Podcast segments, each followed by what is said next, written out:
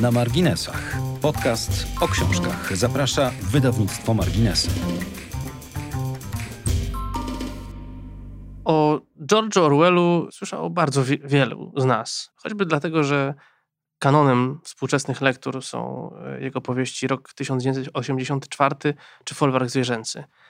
Ale o samym Orwellu okazuje się, że nie wiemy tak dużo. Ograniczamy się właśnie do lektury jego książek, to dobrze, ale nie wiemy, kto za nimi stał. Jaki człowiek, jakie wydarzenia z jego życia doprowadziły go do stworzenia y, jednej z najsłynniejszych książek XX wieku, które, jak się okazuje, fantastycznie y, i dość niepokojąco opisują y, nasz aktualny świat. O komiksie Orwell, Piera Christena i Sebastiana Verdiera rozmawiam z Jakubem Demiańczukiem, y, dziennikarzem zajmującym się tematyką popkulturalną, autorem m.in. tygodnika Polityka. Czytając Orwella i potem pracując nad jego polską edycją, y, uświadomiłem sobie, że tak naprawdę oprócz lektury folwarku zwierzęcego y, roku 84, to ja niewiele wiedziałem y, tak naprawdę o Orwellu. Jakoś lektura jego książek i to, co się o nim mówi w tak zwanej przestrzeni publicznej, nie zachęciły mnie, albo wręcz sprawiły, że wydawało mi się, że wiem, kto to jest Orwell, co myślał, co robił, kim był. E, A okazuje się, że po lekturze tego komiksu, że odkryłem go na nowo. Czy podobnie było w twoim przypadku? Bardzo podobnie. Ja mam w ogóle wrażenie, że George Orwell jest u nas, ale nie, niekoniecznie tylko w Polsce, jest ro- rodzajem jakiegoś mitu. Takiego mitu, który akurat w Polsce bardzo mocno zawłaszczyła sobie prawica, poprzez jego właśnie te dwie antykomunistyczne powieści, o których e, wspomniałeś. Na Zachodzie bardzo często oprócz prawicy zawłaszcza sobie Orwella lewica, trzymając się tego pojęcia, że jednak przez całe życie był socjalistą, a był i tego się, mm, temu się zaprzeczyć nie da. Ale rzeczywiście, zwłaszcza u nas no i z naszej perspektywy przecież rozmawiamy, ten Orwell jest takim, no takim autorem dwóch książek. Absolutnie. Wiemy, że wiemy tak naprawdę, znamy hasłowo, wiemy, że pisał dziennikarskie formy, jakieś tam inne powieści, był w Hiszpanii w czasie wojny domowej, e, był socjalistą takim w Polsce w takim obiegowym pojęciu sprowadzanym do, do jakiegoś żartu, że to jest taki który, socjalista, który przejrzał na oczy i w ogóle stał się ikoną antykomunizmu. Najciekawsze w tym wszystkim jest trochę prawdy, ale rzeczywiście y, ten komiks o Orwellu pozwala przynajmniej na tym podstawowym poziomie dostrzec jego inne oblicza, ale inne oblicza. I to bardzo wiele, bo to była totalnie złożona, skomplikowana postać, człowiek, który rzeczywiście miał pod górę nawet z własnymi poglądami. Człowiek, którego się nie da tak łatwo sprowadzić do jednego hasła. Do No, zresztą- hasła no, najłatwiej jest sprowadzić go do hasła pisarz oczywiście, ale to, to jest neutralny światopoglądowo. Mamy to zresztą już na, na okładce Tak. zasugerowane. Y, autorzy postanowili dać taki podtytuł, y, podtytuł, nie podtytuł właśnie. Orwell, absolwent Eton, policjant, robociarz, dandy, zbojownik, dziennikarz, buntownik, powieściopisarz, ekscentryk, socjalista, patriota, ogrodnik, pustelnik, wizjoner. Wszystko prawda. I wszystko prawda. I to czasami w różnych kombinacjach. I co więcej, Pierre Christin i tak nie mówi, myślę, całej prawdy o Orwellu. On jakoś, takie mam wrażenie, w tym komiksie pomija pewne aspekty jego, jego życia, które może trochę nie pasują do tego wizerunku. To, to jest kwestia dyskusyjna oczywiście i, i kwestia w ogóle osadzenia Orwella w czasach, w których żył. Na przykład tutaj raczej, raczej przemilczany w tym albumie jest fakt, że Orwell wedle dzisiejszych standardów też zdecydowanie, ale nawet wedle standardów przedwojennych czy lat 40. był po prostu rasistą. Nie przepadał za osobami o ciemnym kolorze skóry, nie był, ujmijmy to eufemistycznie, filosemitą, ale jednocześnie to był pogląd na świat, który podzielała właściwie większość klasy robotniczej w Europie w tamtym czasie. I to jest oczywiście pokłosie polityki kolonialnej Wielkiej Brytanii, stosunków społecznych na kontynencie. No, no wszystko. On zresztą miał doświadczenie takie kolonialne, pracował jako policjant w Azji, więc, e, więc w Birmie. W ówczesnej e, Birmie, tak. tak. Dzisiaj Myanma. Tak. I to na pewno jakiś, w jakiś sposób go kształtowało. Wszystkie te określenia, które są wymienione na okładce, które przed chwilą przytoczyłeś, e, określają jakiś kawałek tego Orwella i rzeczywiście dopiero zbite w całość dają portret prawie pełny, tak jak mówię. No, pewnych rzeczy tu nie ma, także pewnie ze względu na objętość albumu. No, jednak wszystkiego się nie da opowiedzieć tak, żeby nie, mm, nie zanudzić czytelnika, myślę. A myślę, że ja bym postawił tezę, że jednak Pierre Histin, y, scenarzysta, ewidentnie zafascynowany Orwellem, jego twórczością, do tego jeszcze wrócimy, nie chciał y, tak naprawdę zrobić y, biografii wyczerpującej. On tu postanowił, y, myślę, powiedzieć o Orwellu, jak to się stało, jakie wydarzenia z jego życia zdecydowały, że, że napisał takie książki, że, że powstał 84, że powstał folklor zwierzęcy, jednocześnie na tych książkach się w ogóle nie koncentrując, pokazując tylko, że one, one były, ale bardziej go interesuje, co Orwella jako człowieka doprowadziło do tego miejsca. Tak, to prawda i, i, i to jest super ciekawy klucz do, do pokazania biografii Orwella jako człowieka. Zresztą tam jest kilka takich fantastycznych fragmentów w tym komiksie. Jest kilka takich fantastycznych fragmentów, w których wydarzenia z życia Orwella są pokazane jako element jego biografii, i później jest to zaznaczone, że to jednocześnie jeden do jednego przeniósł do, do swoich powieści. Oczywiście nie tych alegorycznych, chociaż tam też są jakieś elementy zaczerpnięte z jego biografii, z jego doświadczeń i przede wszystkim z jego obserwacji, ale do tych do tych wcześniejszych książek, w których e, nie pisząc o sobie, pisał o sobie i o swoich własnych przeżyciach. I e, Christian to, to fantastycznie tutaj podkreśla. No i jakby myślę, że autorzy nie rościli sobie, y, tak powiem, y, prawa, czy nie mieli ambicji do stworzenia faktycznie wyczerpującego portretu. Takiego totalnie po prostu, gdzie nie ma, że tak powiem, żadnej luki. Ale co też mi się podoba, y, oczywiście to jest Orwell mogliby powiedzieć znawcy wielcy Orwella, y, którzy przeczytali y, wszystkie biografie jego, y, jest to komiks, który jest Orwellem trochę dla, dla początkujących. Właśnie dla tych, którzy, dla których ten Orwell jako autor skrył się, co dzisiaj wcale nie takie, właśnie dzisiaj bardzo rzadkie wręcz, za swoimi dziełami. To jest jeszcze ten autor z, z, tego, z tej epoki, kiedy bardziej byliśmy zainteresowani y, książkami, które pisał i tym, co te książki do nas mówią, niż tym, kim jest, y, czy kim był y, naprawdę. Więc tutaj odsłania Histę i Verdier Orwella właśnie dla tych wszystkich, którzy zatrzymali się na, na, na lekturze książek. Oby mam nadzieję, że, że, bo to wybitne książki, więc warto je czytać. Natomiast to, co też mnie urzekło w tym, w tym komiksie, że to jest komiks, który zawierza temu medium, jakim jest komiks, ta sztuka sekwencyjnych obrazów, za pomocą których się opowiada historię. I to nie jest rzecz przegadana. Tutaj właśnie autorzy ufają w obraz i ufają w czytelnika. E, I to, że on odczyta z tych obrazów więcej niż pozornie, że na pierwszy rzut oka na, na nich widać. Tak, no jakby to, to, to prawda. No i ta forma graficzna przyjęta przez e, twórców temu też sprzyja. E, po pierwsze, bardzo precyzyjne ilustracje Verdiera. To jest, to jest niesamowicie, one są tak gęste od szczegółów często i tak jednocześnie operujące, nawet nie chcę powiedzieć, że no można, można powiedzieć pewnego rodzaju skrótem, to znaczy tam w niektórych panelach po prostu pojawia się tyle drobiazgów, które pokazują również bez słów to, co, to, co kształtowało Orwella. No. Tak jak zdjęcia, z, rysunki z jego dzieciństwa, gdzie widać ten salon, e, w którym on gdzieś siedzi i tam po prostu po, po tych elementach drobnych można sobie dobudować te rzeczy, których, których nie ma w dialogach ani w didaskaliach. No właśnie, to jest dla mnie absolutnie fascynujące, że znaczy, wydaje mi się, że Christę ma e, Orwella za, zresztą widać w jego pisarstwie, w jego dziennikarstwie, w jego reportażach, za niezwykle bacznego obserwatora rzeczywistości. I z tej obserwacji niezwykle y, właśnie uważnej y, i jeszcze przerobionej przez inteligencję y, Orwella wyłaniał się jakaś filozofia, jakiś pogląd na świat i też jego dzieła. I autorzy, wydaje mi się, zmuszają czytelnika do podobnego rodzaju uważności, właśnie fundując mu na, na tych fantastycznie zaprojektowanych planszach taki stopień drobiazgowości. Tak, i to jest też obecne w, w, scenariuszu, moim zdaniem. To znaczy to, i bardzo cenię to w tym komiksie, to, że ten schyłkowy okres twórczości Orwella, który zaowocował folwarkiem i rokiem 1984, jest tak naprawdę bardzo skrótowo już tutaj potraktowany.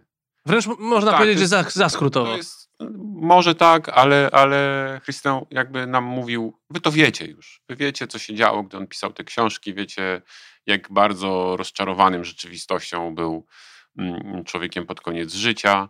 Opowiemy to, bo trzeba, natomiast, natomiast to już nie jest coś, co go kształtowało. To jest efekt tego, co kształtowało go wcześniej. I, i dlatego może sobie pozwolić na no właśnie na wrzucanie tych wszystkich różnych drobnych rzeczy, jakichś ułamków dialogów, tych fantastycznie rozrysowanych przez Verdiera paneli, gdzie są te drobiazgi poukrywane na samym początku, że ten okres nie dzieciństwa może nawet, ale takiej wczesnej młodości, powiedzmy do wojny domowej w Hiszpanii, tutaj jest najbardziej interesujący i najbardziej nasycony tymi wszystkimi rzeczami, które można sobie odkryć. Ale z tych drobiazgów jeszcze mi przyszło do głowy, że, że Christian robi fantastyczną rzecz, a mianowicie przypomina, że Orwell był nie tylko pisarzem politycznym. Czy być może wszystko, co pisał, było w jakiś sposób polityczne, mm, e, bo od tego nie mógł uciec. Natomiast w pojedynczych kadrach, na pojedynczych stronach twórcy tego komiksu przypominają nam, że spektrum jego zainteresowań było tak szerokie, że naprawdę wielu felietonistów współczesnych się chyba nie może tym poszczycić i pochwalić. On pisał i o komiksach, których zresztą nie znosił, pisał o jedzeniu, był krytykiem kulinarnym. Orwell przez chwilę pisał o angielskim jedzeniu w taki sposób, że można uwierzyć, że ono jest smaczne. To tradycyjne, chociaż zapewne, zapewne e, ten stereotyp, że angielskiego jedzenia, zwłaszcza z lat 30., 40., jak można poczytać w jego felietonach te opisy, nie dałoby się dzisiaj przełknąć bez, bezboleśnie. Ale właśnie Orwell zajmował się wszystkim i w tym komiksie to jest. I co więcej, wydaje mi się, że ten komiks y, przypomina, że Orwell nie zajmował się tym pobieżnie, że on wchodził w pewne tematy, nawet jeśli go interesowały przez chwilę, tak z impetem. Jest fantastyczna scena w tym albumie Orwella czytającego komiks o Supermanie i cytat z jednego z jego felietonów, gdzie on bardzo psioczy na amerykańską Suchej popkulturę obrazkową. Ale, ale no właśnie to, to był człowiek, który jak pojawiło się na horyzoncie coś, co było wciąż jednak nowością w jego czasach, no bo to są przecież, to jest koniec lat 30., więc superbohaterskie komiksy dopiero raczkują. Tak? Świeżynką, tak. To on jest tego ciekaw. Nawet jeśli miał to zmieszać z błotem, pisać, że jest to naprawdę trujące i szkodliwe i oczywiście zestawiać to y, z angielską kulturą, dzisiaj byśmy powiedzieli popularną, no ale wtedy te, takie określenie nie funkcjonowało i, i zestawiał na przykład ten komiks superbohaterski z Wellsem, który, który według niego w swojej twórczości wykazywał prawdziwe zainteresowanie nauką, a e, komiksy o superbohaterach no jednak były pod tym względem zupełnie inne. Tak na marginesie to trudno mu nie przyznać racji. To znaczy, jak się dzisiaj wraca do tych pierwszych odcinków Supermana z całą świadomością tego, jaką rewolucję kulturową wywołały komiksy o superbohaterach, to można czasami mieć wrażenie, że Orwell miał rację w tym. To prawda, w, ale... w tym przypadku nie był wizjonerem, nie przewidział, jak to się rozwinie i ile przyniesie też e, zmian kulturowych, i, a, także, a, a także fantastycznych dzieł, no ale, ale miał jednak wyczucie. Miał wyczucie y, no, wynikające z y, niezwykłego obycia, otrzaskania. Był obywatelem świata, no w końcu Anglikiem, czyli obywatelem kraju, który wtedy trzymał, y, można powiedzieć, łapę dosłownie i przenośni na połowie świata, ale też na kulturze i świadomości, jaką ta kultura mm, buduje więc y, mógł sobie z taką wyższością na, na komiksy superbohaterskie spojrzeć i one faktycznie, te pierwsze zeszyty są dość okropne, jak patrzymy na nie i czytamy je dzisiaj. Natomiast y, tym bardziej człowiek zastanawia się, co w nich takiego fascynującego musiało, innego, nowego być, że jednak pociągnęły za sobą y, takie masy, miliony czytelników, czego pewnie Orwell by nie przewidział i nie podejrzewałby, że, że coś tak złego może pokochać tak wiele osób. O komiksie y, Orwell rozmawiamy y, z Jakubem Demiańczukiem. Popatrzmy przez chwilę nie na Orwella, ale właśnie na y, Piera Christena, scenarzystę mm, tego albumu, który jest dla francuskiego komiksu, ale w ogóle dla komiksu europejskiego tak naprawdę człowiekiem instytucją. Jednym z takich największych nazwisk scenopisarstwa komiksowego, bo jednocześnie twórcą bardzo różnorodnym, bo mamy spod jego pióra czy z jego wyobraźni e, Waleriana, space operę e, z jednej strony e, i mówiącą o rzeczach społecznych, ale w tonie dość komediowo-satyrycznym. Mamy też bardzo poważne i, i, w swoim czasie przełomowe komiksy zrobione z Enki Bilalem, które były jawnie polityczne, nie bały się zaangażowania, właśnie, właśnie takiego bardzo Orwellowego. Właśnie widać, że ten starszy już dzisiaj pan, który y, osiągnął, myślę, w komiksie wszystko francuskim, co się dało osiągnąć. Gdzieś przez całe y, swoje życie dążył w stronę tego Orwella i tej, tej biografii. Widać, dopiero jak przeczytałem tę biografię, uświadomiłem sobie właśnie, że polowanie właśnie z Enki Bilalem, czy te, te, ten cały cykl politycznych komiksów jest tak mocno zanurzony właśnie w Orwellu. To prawda, on zresztą się do tego przyznaje w posłowiu, które zamieścił w tym komiksie, pisząc wprost, że dziennikarz, który jest bohaterem polowania, to mógłby być Orwell, który po prostu się zestarzał bardziej niż miało to miejsce w rzeczywistości i opisywał, opisywał e, komunistyczną rzeczywistość Europy, Europy Wschodniej. E, tak, tak, zwłaszcza, zwłaszcza polowanie, zwłaszcza falangi czarnego porządku, to są, to są komiksy po prostu polityczne. Historyczno-polityczne, ale, ale są w jakiś sposób nie tylko odwoływał się do, do dzieła Orwella w tych, w tych swoich scenariuszach, ale ja mam takie wrażenie, że opowiadając o komunizmie czy opowiadając o faszyzmie, przecież już kilkadziesiąt ładnych lat temu te albumy powstały. On wykazał jakiś rodzaj takiego orwellowskiego wizjonerstwa. Nie chcę tego oczywiście tutaj wyolbrzymiać, ale on wybrał tematy i opowiedział o nich w taki sposób, że my czytamy to jako komiks historyczny, a nagle w 2020 roku, jeśli wrócimy do lektury z tych komiksów, to zobaczymy, że czytamy też alegorię współczesnego świata. I że Christian jako scenarzysta, jako obserwator życia politycznego, e, jako właśnie obserwator życia kulturalnego, mam wrażenie, że on już w tych komiksach podpowiada nam prostą prawdę, z której coraz częściej zdajemy sobie sprawę, że niewiele się zmienia. Że tak naprawdę y, te zamordyzmy ciągle gdzieś są żywe, że ciągle ktoś po prostu próbuje sterować y, naszym życiem. Oczywiście mówię od, od strony politycznej. I to jest to samo, co mówił Orwell, tak naprawdę. To znaczy, on w folwarku zwierzęcym wprost, w roku 1984 właściwie też wprost, chociaż chociaż tam scenografia y, może pozwalać traktować tę powieść jako science fiction, ale to było w tych jego książkach i chcę, choćby tę myśl przewodnią czerpie z Orwella w swoich komiksach politycznych. Przeglądałem Polowanie i, i Falangi e, tuż po premierze Orwella, po to, żeby sobie przypomnieć. Nie czytałem ich dokładnie tak jak kiedyś, ale przeglądałem i one są niepokojąco aktualne tam jak się, jak się potraktuje to jako jakąś metaforę po prostu totalitaryzmów, to, to one się nie zestarzały. Się w ogóle nie starzeje. One, one, gdy ukazywały się w Polsce kilkanaście lat temu po raz pierwszy, to, to myślę, że to było takie zawieszenie dla nas jako czytelników. Po pierwsze, nadrabialiśmy zaległości yy, komiksowe ważne, po drugie, czytaliśmy coś, co już było co po pierwsze było komiksem historycznym jako, jako gatunek, ale też było historią komiksu. Tak? To nie były świeże rzeczy, które właśnie wychodziły, nie wiem, z rocznym czy dwuletnim opóźnieniem w Polsce, tylko nadrabialiśmy jakieś zaległości ważne z 20 Euro... sprzed 30 tak, lat. europejskiego komiksu. I nagle się okazuje, że te kilkanaście lat później czytamy te komiksy i, i one w jakiś sposób są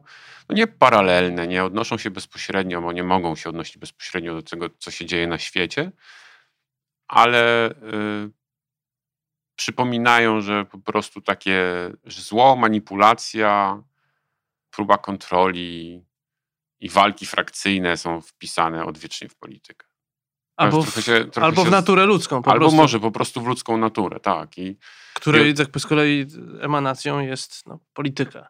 Więc być może teraz odbiegamy już zbyt daleko od Orwella, ale ale, nie, cały czas ale... przy Orwellu będąc, bo to samo można by powiedzieć o właśnie tych dwóch y, najsłynniejszych jego dziełach, czyli Folwarku Zwierzęcym i roku 1984, y, które powstały y, w, w pierwszej połowie XX wieku. Orwell zmarł w 1950 roku. Nie doczekał, nie doczekał tak naprawdę rozwoju tej komunistycznego imperium z drugiej połowy lat XX wieku. Nie doczekał nawet śmierci Stalina, którego był absolutnie wielkim krytykiem i od samego początku mówił głośno, co się francuskim intelektualistom bardzo zakochanym w Józefie nie podobało, że, że to jest po prostu totalitaryzm, to jest tyrania, to jest coś, z czego po prostu z czym trzeba walczyć. Natomiast jak człowiek przeczyta y, choćby folwark zwierzęcy i nie wie nic o autorze, to wydawałoby się, że on cały czas żyje, że autor jakby tak, opisuje tak. rzeczywistość, którą właśnie y, obserwował i postanowił zamknąć w takiej alegorii. Podobnie z rokiem 1974 nie mógł y, przewidzieć, a w książce robi to doskonale właśnie, tego jak będzie wyglądała współczesna inwigilacja roku choćby 2020, prawda? I która teraz przybiera nowe oblicza i na dodatek ja nie, ja nie chcę tutaj e, brzmieć jak, e, muszę zrobić to zastrzeżenie, jak krytyk tego typu rozwiązań, bo nie mnie to oceniać, ale w sytuacji pandemicznej, gdy pojawiają się w niektórych krajach obowiązkowe aplikacje służące śledzeniu kontaktów ludzi zakażonych e, koronawirusem, ja mam świadomość, że to jest robione dla dobra ogółu, ale mając y, w pamięci lekturę powieści Orwella, czy nie tylko Orwella, całej tej literatury, czy tekstów kultury dystopijnych, to jakby wiadomo, że ktoś gdzieś y, w którymś momencie wykorzysta to nasze dobro na swoją korzyść. Że już będzie po pandemii i ludzie wykasują te aplikacje ze swoich smartfonów. A bo tak im się tam, będzie wydawało. Ale tak właśnie prawdopodobnie będzie im się wydawało i Naprawdę, to znaczy, żeby nie było wątpliwości, uważam, że wszelkie rzeczy, które robimy dla dobra własnego zdrowia i zdrowia społeczności, czasami trzeba się nagiąć, ale obserwacja świata podpowiada, że ktoś naprawdę skorzysta na tym, że my się nagiliśmy. Ja właśnie mam nieodparte wrażenie, że ostatnie parę tygodni, nie tylko te pandemiczne, ale jeszcze chwilę wcześniej, że yy, przymiotnik orwellowski, który wszedł do języka po prostu wyjątkowo naturalnie, jest odmieniany w mediach przez wszystkie możliwe przypadki. E, I to się tylko nasila. Być może jakby jestem podsłuchiwany przez właśnie przez urządzenia i przez to, że pracowałem nad komiksem Orwellu, to tak powiem, podsuwane mi są tylko y, y, wiadomości, teksty, w których ten Orwell się gdzieś przewija, ale nie mogę się oprzeć właśnie wrażeniu, że on jest coraz bardziej aktualny. Nie tylko był y, przewidział pewne, był profetycznym się zmysłem wykazał, pisząc swoje książki te 70-80 mm, lat temu, ale że on jest coraz bardziej aktualny. Coś w tym jest. Ten Orwell y, taki rozumiany bardzo zresztą w najprostszy sposób wrócił przecież ze zwycięstwem Donalda Trumpa w wyborach prezydenckich w Stanach Zjednoczonych.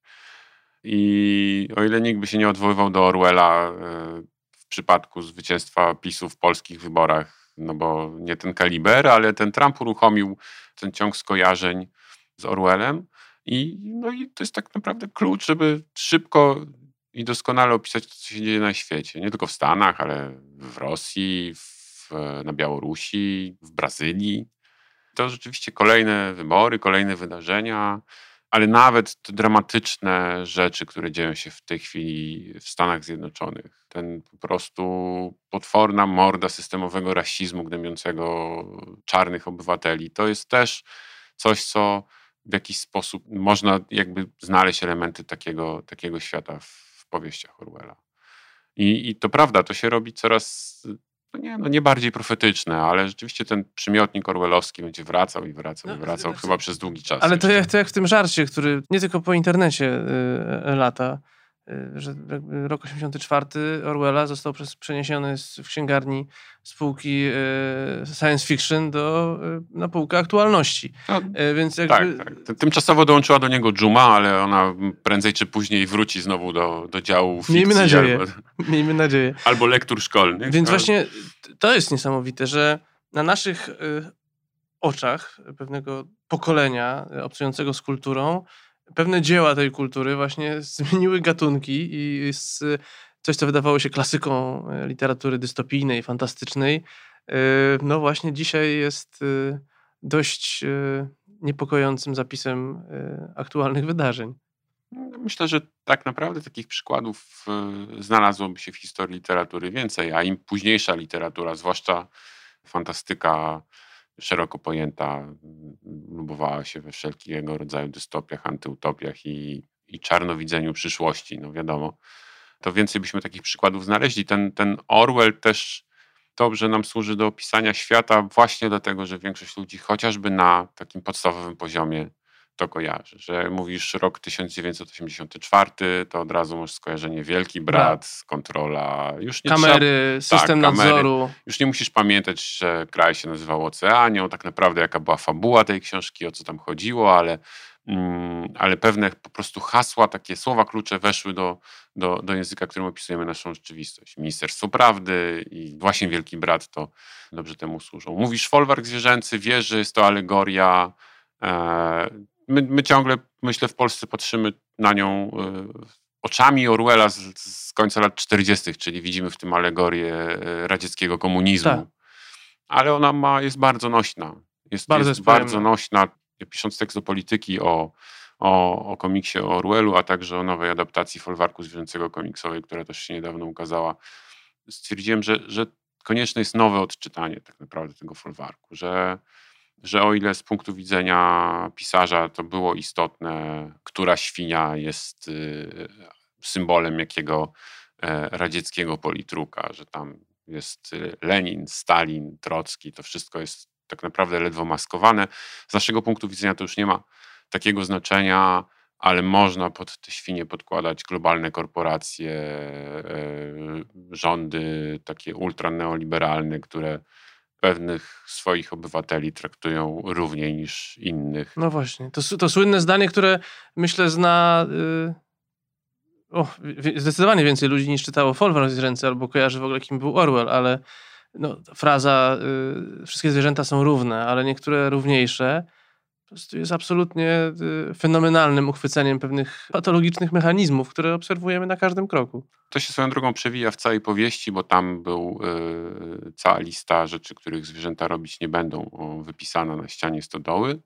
I im bardziej świnie próbowały rządzić pozostałymi zwierzętami gospodarstwa, tym częściej pojawiały się dopiski. I na przykład przykazanie, że żadne nie, be- zwierzę nie będzie spać w łóżku, okazywało się nagle przykazaniem, żadne zwierzę nie będzie spać w łóżku z prześcieradłem. Tak? I trzeba daleko szukać, możemy popatrzeć na ostatnie, niedawne próby w ogóle dopisywania jakichś e, dodatkowych kawałeczków zdań do, do konstytucji, czego prawnie nie, nie, nie, łatwo, niełatwo to zrobić Ale nie, próby u są. nas, ale po to, żeby po prostu przepchnąć taką, a nie inną, na przykład formę e, wyborów prezydenckich. To już w tej chwili z naszego punktu widzenia jest e, bardzo nieodległa przeszłość, ale przecież takie próby będą podejmowane wciąż i wciąż. No, nagle się okazuje, że, że po prostu mm, można tylko, żeby nie było prześcieradła. No.